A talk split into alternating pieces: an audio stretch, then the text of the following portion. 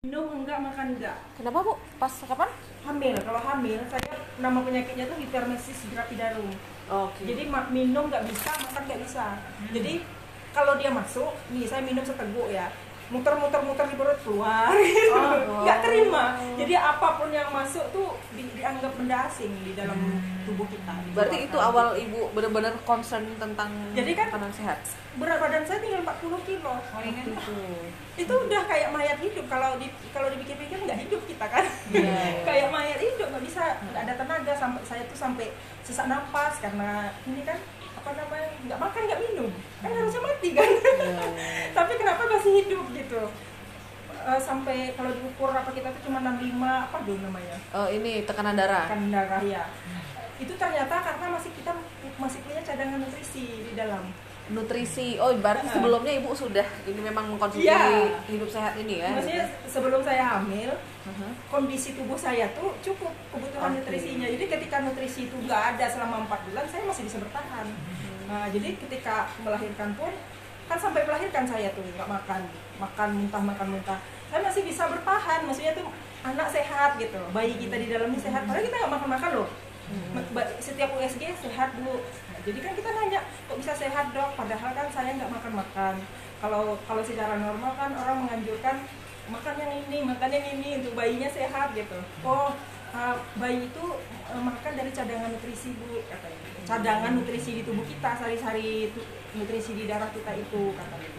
Itu yang penting bu. ya. Jadi Iya. makan makanan bernutrisi bukan Iya, banyak gitu Bukan ya. banyaknya. Jadi kalau misal kita kekurangan nutrisi sewaktu hamil itu banyak kejadian kan. Nutrisi kandungannya di mana aja tuh? Sayur Sayuran, buah. sayur buah, bukan karbohidrat protein ya. Iya. nutrisi itu.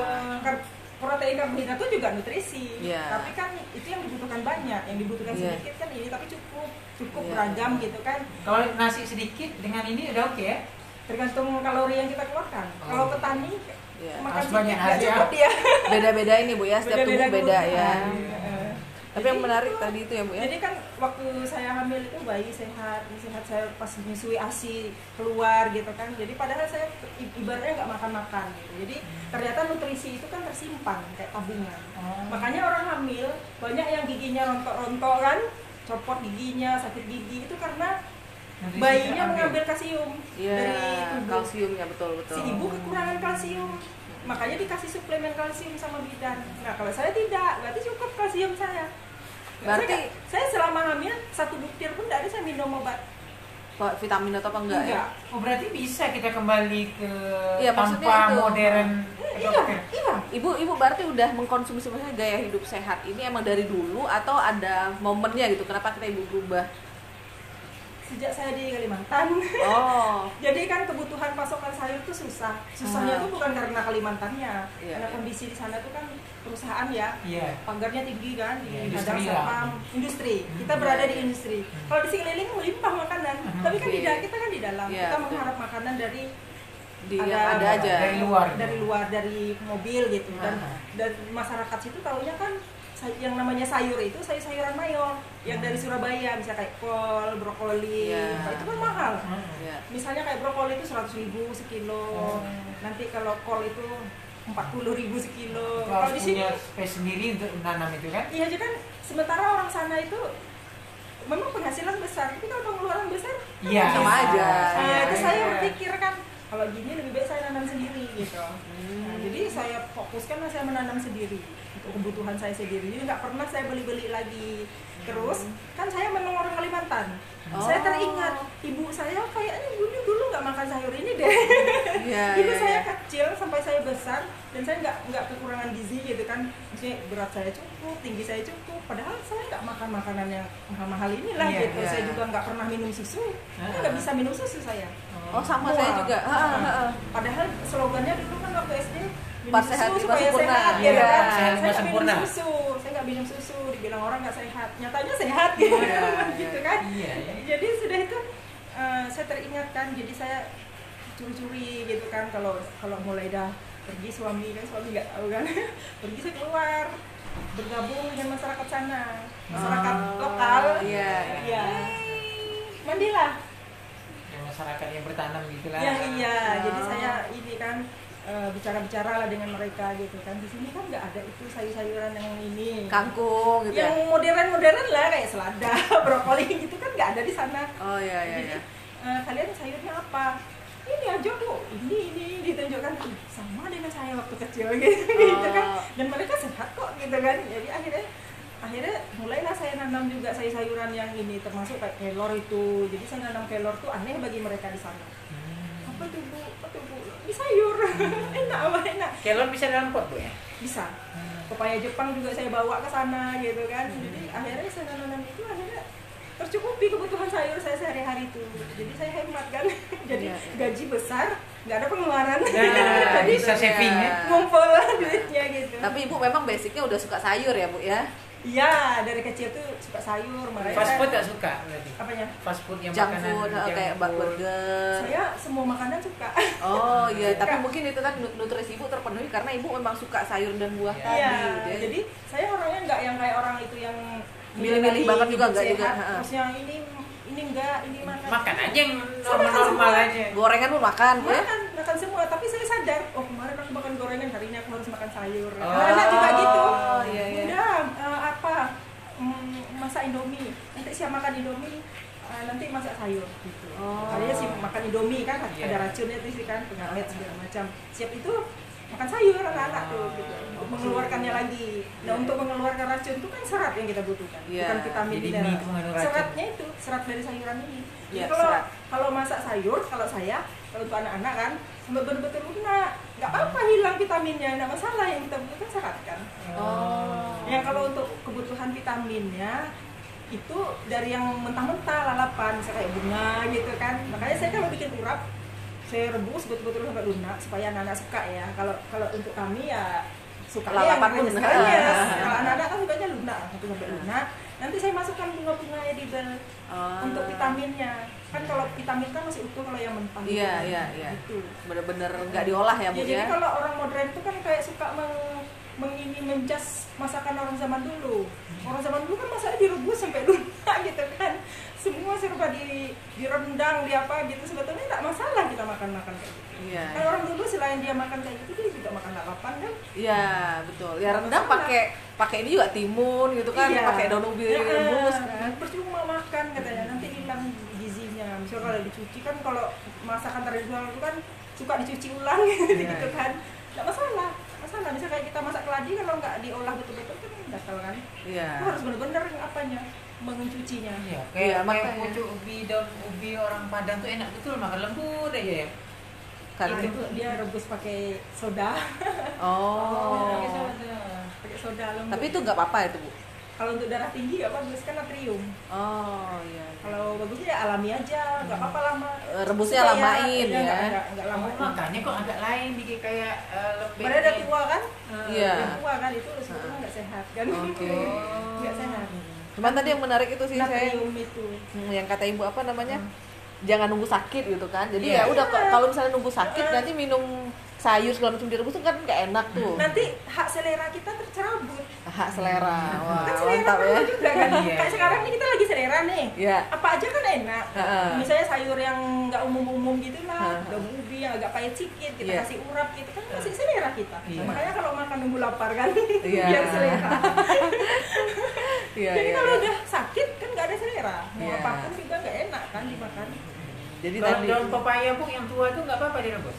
Bukan yang kuning ya, kalau kuning kan memang nggak ini. Iya, saya yang tua itu yang saya rebus. Oh. Campur dengan daun skadudu biar nggak pahit. Daun apa Daun skadudu, senggani. Yang ada nggak nanti Ada di di sini. saya. oh di sini ada kalau di kebun bu biar bisa ngeliat mana langsungnya Ada tapi lagi nggak berbunga jadi kan ah ini dia apa saya buka. Nih. Oh ini sekarang jujur. Ada pula lagi daun ubi. Nah, jadi Iya, kan iya. kalau kita rebus pakai daun ini, daunnya bu ya daunnya pepaya tuh nggak ada lagi pahitnya. Nah, terus ada orang nanya kan, tuh kalau hilang pahitnya nggak hilang fungsinya. Kan kita ngambil seratnya. Hmm. Kita kan memenuhi hak selera juga. Kalau Iya. pahit siapa yang mau makan? Iya kan? Iya, iya. Kalau misalnya kita pengen mendapatkan gizinya ini, pepaya ini, maksudnya utuh, enzimnya, vitaminnya segala macam. Mentah. Ya yang mentah itulah kita Kalau konsumsi. tua mentah nggak apa-apa. Kalau yang mentah pilih yang pucuk kali Pucuk, ya, ya, paling pucuk. pucuk. Kalau saya microgreen. Oh.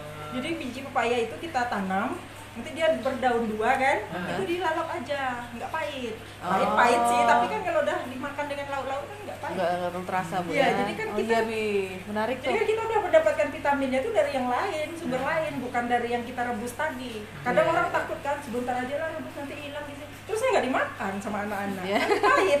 Iya iya iya. Oke.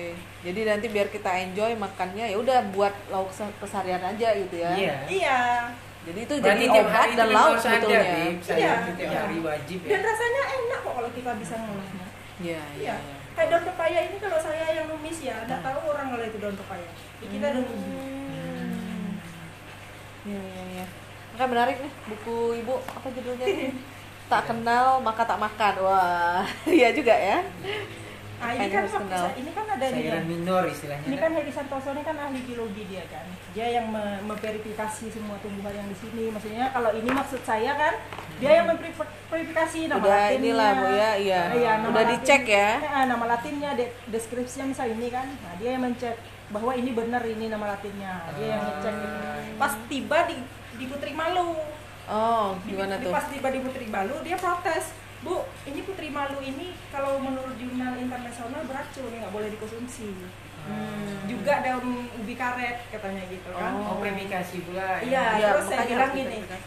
Eh, saya Pak tidak pernah membaca-baca penelitian yang secara internasional kayak gitu. Dia kan dikirimkannya jurnalnya gitu kan. Ini Bu jurnalnya. Saya fakta. Ibu. Saya pemakai, saya makan ini dari kecil dia bilang. Ah. Susupan itu kan makanan yang saya waktu kecil. Oh iya, Bu. Iya. putri Daun malu putri air. malu. Eh, Iya putri malu air kan rasanya kayak petai gitu kalau nggak kita tahu. gigit gitu kan.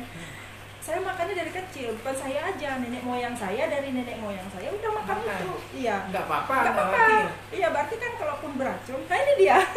Mana mana?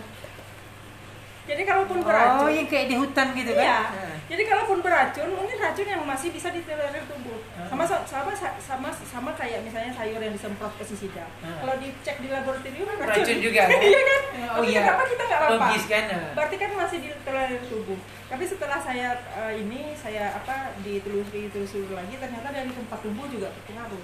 Hmm. Jadi kalau dia hidupnya di air yang yang berpolusi, Ah. maka dia menyerap menyerap Racun. racun, yang di air tadi. Oh. Jadi airnya yang jadi bersih. Oh. Kalau kita makan sayurnya jadi jadi beracun gitu. Oh. Lihat kondisi ya. Berarti kalau di air bersih ya nggak apa-apa. Nggak apa-apa gitu gitu. ya. Jadi kan kalau zaman dulu kan airnya, Airnya relatif bersih. Berarti berlaku juga lah untuk sayur-sayuran lain, kayak genjer, kangkung, hati-hati. Nah, betul, di zaman betul. sekarang Karena dia menyerap dari Menyerap. itu ya, Bu ya. tanaman air tuh menyerap logam-logam berat di air. Oh. Makanya kadang orang merasa sehat kan, aku makan sayur kok sakit. Bisa jadi kan Hmm. sayur yang seperti apa. Makanya sumber makanan sehat itu yang harus kita Tanahnya ya. kita kenali juga. Makanya saya akhirnya ikut PDC itu. Nanam sendiri ya akhirnya ya. Course itu kan Iya. artinya kita menciptakan lingkungan sehat di di sekitar kita. Jadi bukan hanya itu kita juga- gitu ya. ah, bukan sayurannya aja yang yang harus sehat, tapi tanahnya. Tanahnya, karena sumbernya kan, Iya. sumber makanan dia. Kalau diperiksa di laboratorium, sayuran di pasar tuh semua racun, kan disemprot. Iya, iya.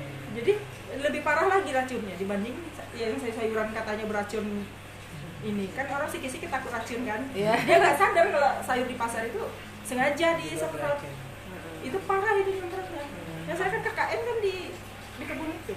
Oh. itu pertanian KKN-nya kan di Oh, Ibu memang pertanian iya tadi, oh. kan KKN magang gitu kan. Sih kita lihat kita gimana petani itu brutal gitu menyemprot Iya, sampai tanah itu cuma media aja, Iya. bukan makhluk gitu, Iya. tempat aja Bi. kayak pabrik dibikin pabrik tan pabrik tumbuhan Iya.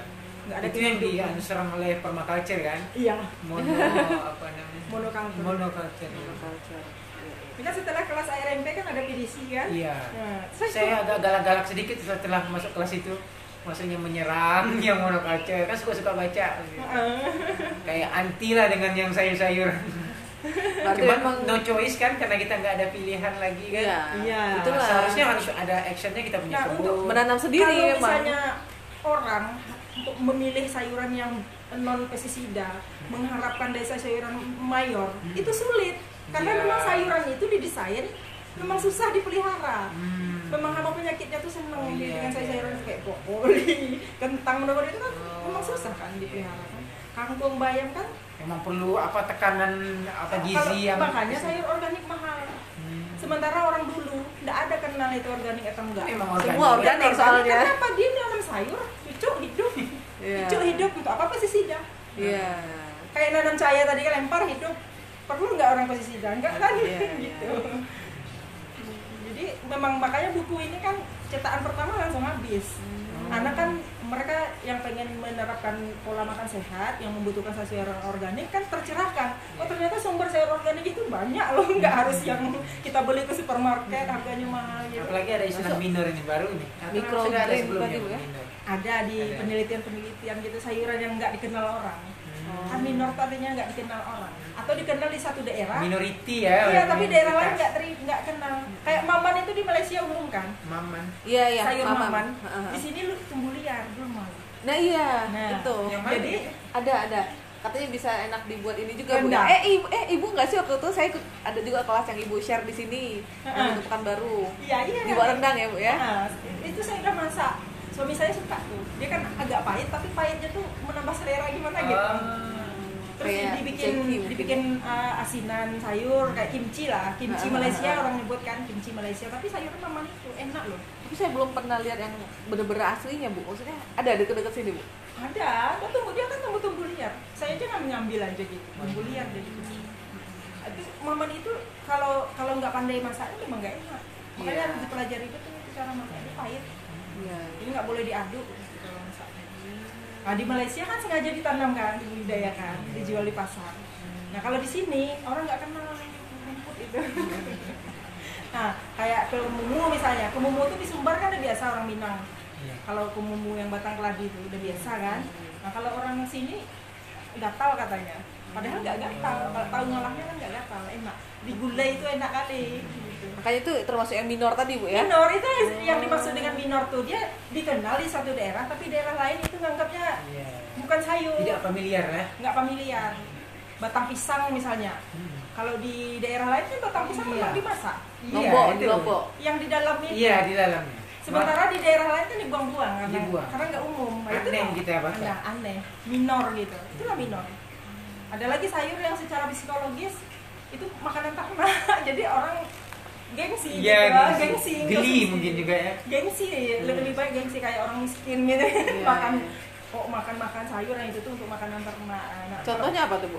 kayak itu kayak eh, gulma asistasia itu kan makanan ternak untuk untuk sapi biasa itu kan diambil orang kan terus Itu bisa dimakan berarti ya? gamal kelor tuh tadinya makanan ternak juga itu sekarang aja udah populer kan kelor kemudian gamal indigo vera semua makan ternak azola azola tahu yang tumbuh di air itu? Yang hijau-hijau itu? Itu makanan ternak padahal gizi proteinnya tinggi setara kedelai nah ini ada. Yang mana-mana? huruf A kan mudah nyarinya. Azola tumbuh di air dia. Nah nih. Oh, oke. nah ini yang yang Ini makanan ikan. ah kan? Nah nih. Oh, ini bisa Iya. dimakan ya? padahal proteinnya tinggi setara kedelai Geli, dan nengok bulu-bulu nampak kayaknya. iya di luar negeri udah biasa dimasak Oh, ambil ini ke sana. Bu. nah, Iya, makanya mau ini kan saya coba kan ini resepnya nih dadar telur nggak ada pengaruh dengan rasa telur kita Iya, ya. Heeh, saya saya masukkan aja pas kita kocok Jadi, kan, yes. kalau anak-anak ngiranya ini nih bawang prei aja kan Semua ini nih pernah maksudnya udah diolah semua oleh Ibu Iya, ya. semua resep saya di buku ini. Ini nih Bi, pegangan air kayaknya yang ada di kita tuh Bi. Beda sama pegangan Ibu sama? Beda. Beda ya. Dia Beda. ini agak pedar ya, Bu ya. Ini agak pedas, beda. Ini mudah nih temunya nih. Mudah juga. Sampai zoom. Artinya kalau bapak nanam ini perlu nggak pestisida? Enggak. Perlu nggak tanah subur kali? enggak Nah, langsung itu. dia menjalar gitu. Artinya kalau kita memilih sayur-sayuran yang agroekologis, Hmm. kita itu otomatis organik. Iya, iya. Kita nggak nggak akan mengeluh ini tanamanku diserang hama kan nggak mengeluh gitu lagi, dia tumbuh sendiri. Sekarang kita bekas-bekas makan aja melempar aja di depan. Nah, Iya. artinya kalau kita tahu jenis-jenis yang mudah tumbuh gini, Hmm. nggak perlu lagi kita keluar uang untuk beli sayur-sayur organik. Mm-mm. Nah, ini Ini. tumbuhan liar Ya, iya, paku resam. di di Ini nih, ini dia nih. Bi. Yang pegagan pegagan. pega- pegagan Eh, darat ini Bi, yang enak nih. Yang ini yang enak kan Bu? Pegagan kan darat nih kan. Iya, juga. enak. Dia beda sama pegagan air Bi. Yang ini lebih enak. Enak Iya, juga, lebih enak. lebih wangi enggak. Punya kita tuh yang ini nih. Dia bulat. Nah, punya kita Iya, kan bulat. Nah, kalau ini- Nah, kalau ini nih agak Oh. runcing-runcing. Beda. Ini ada nih bu, yang ini. Ada, ada. Yang untuk nutrisi otak yang ini.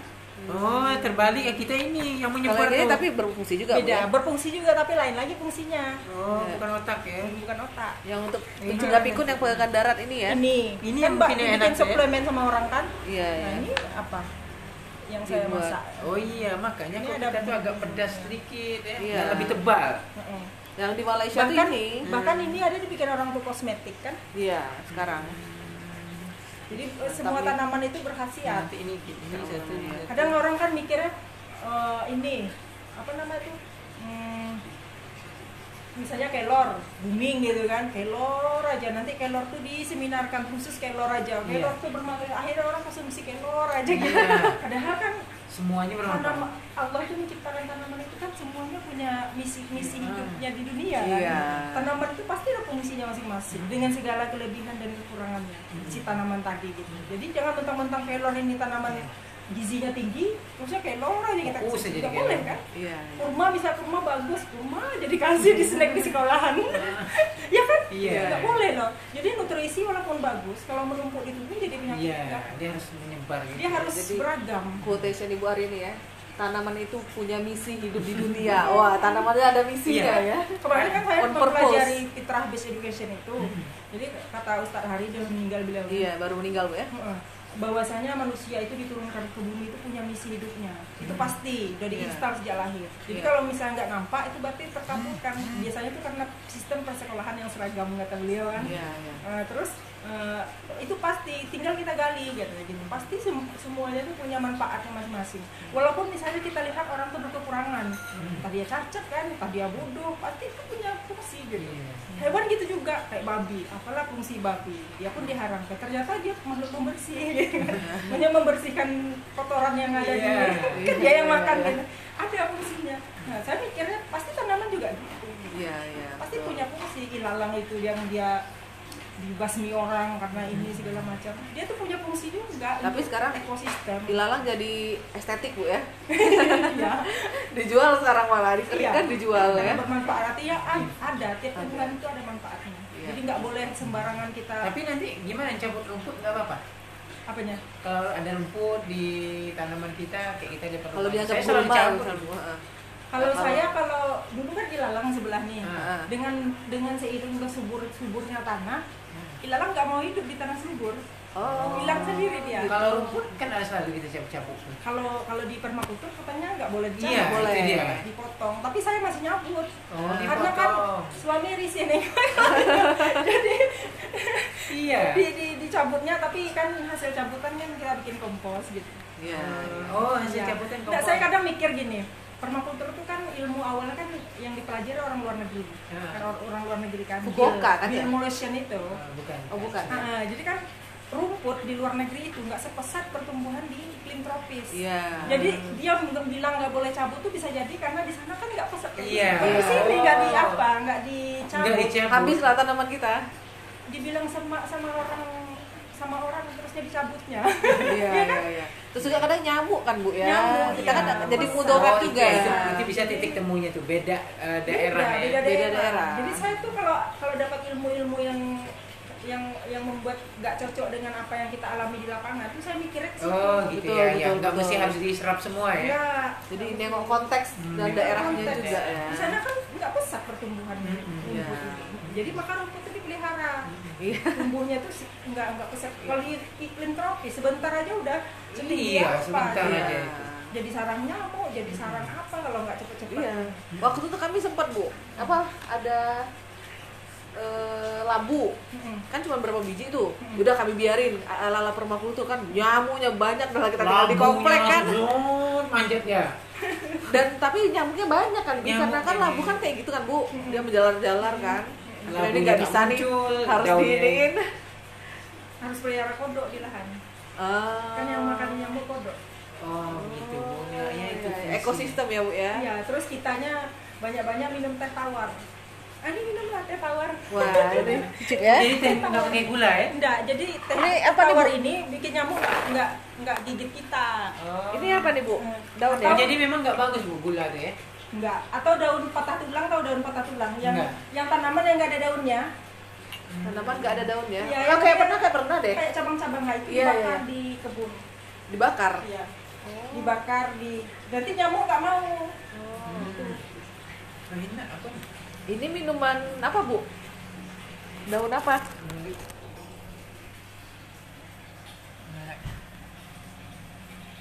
Ini kayaknya daun Daun apa ya?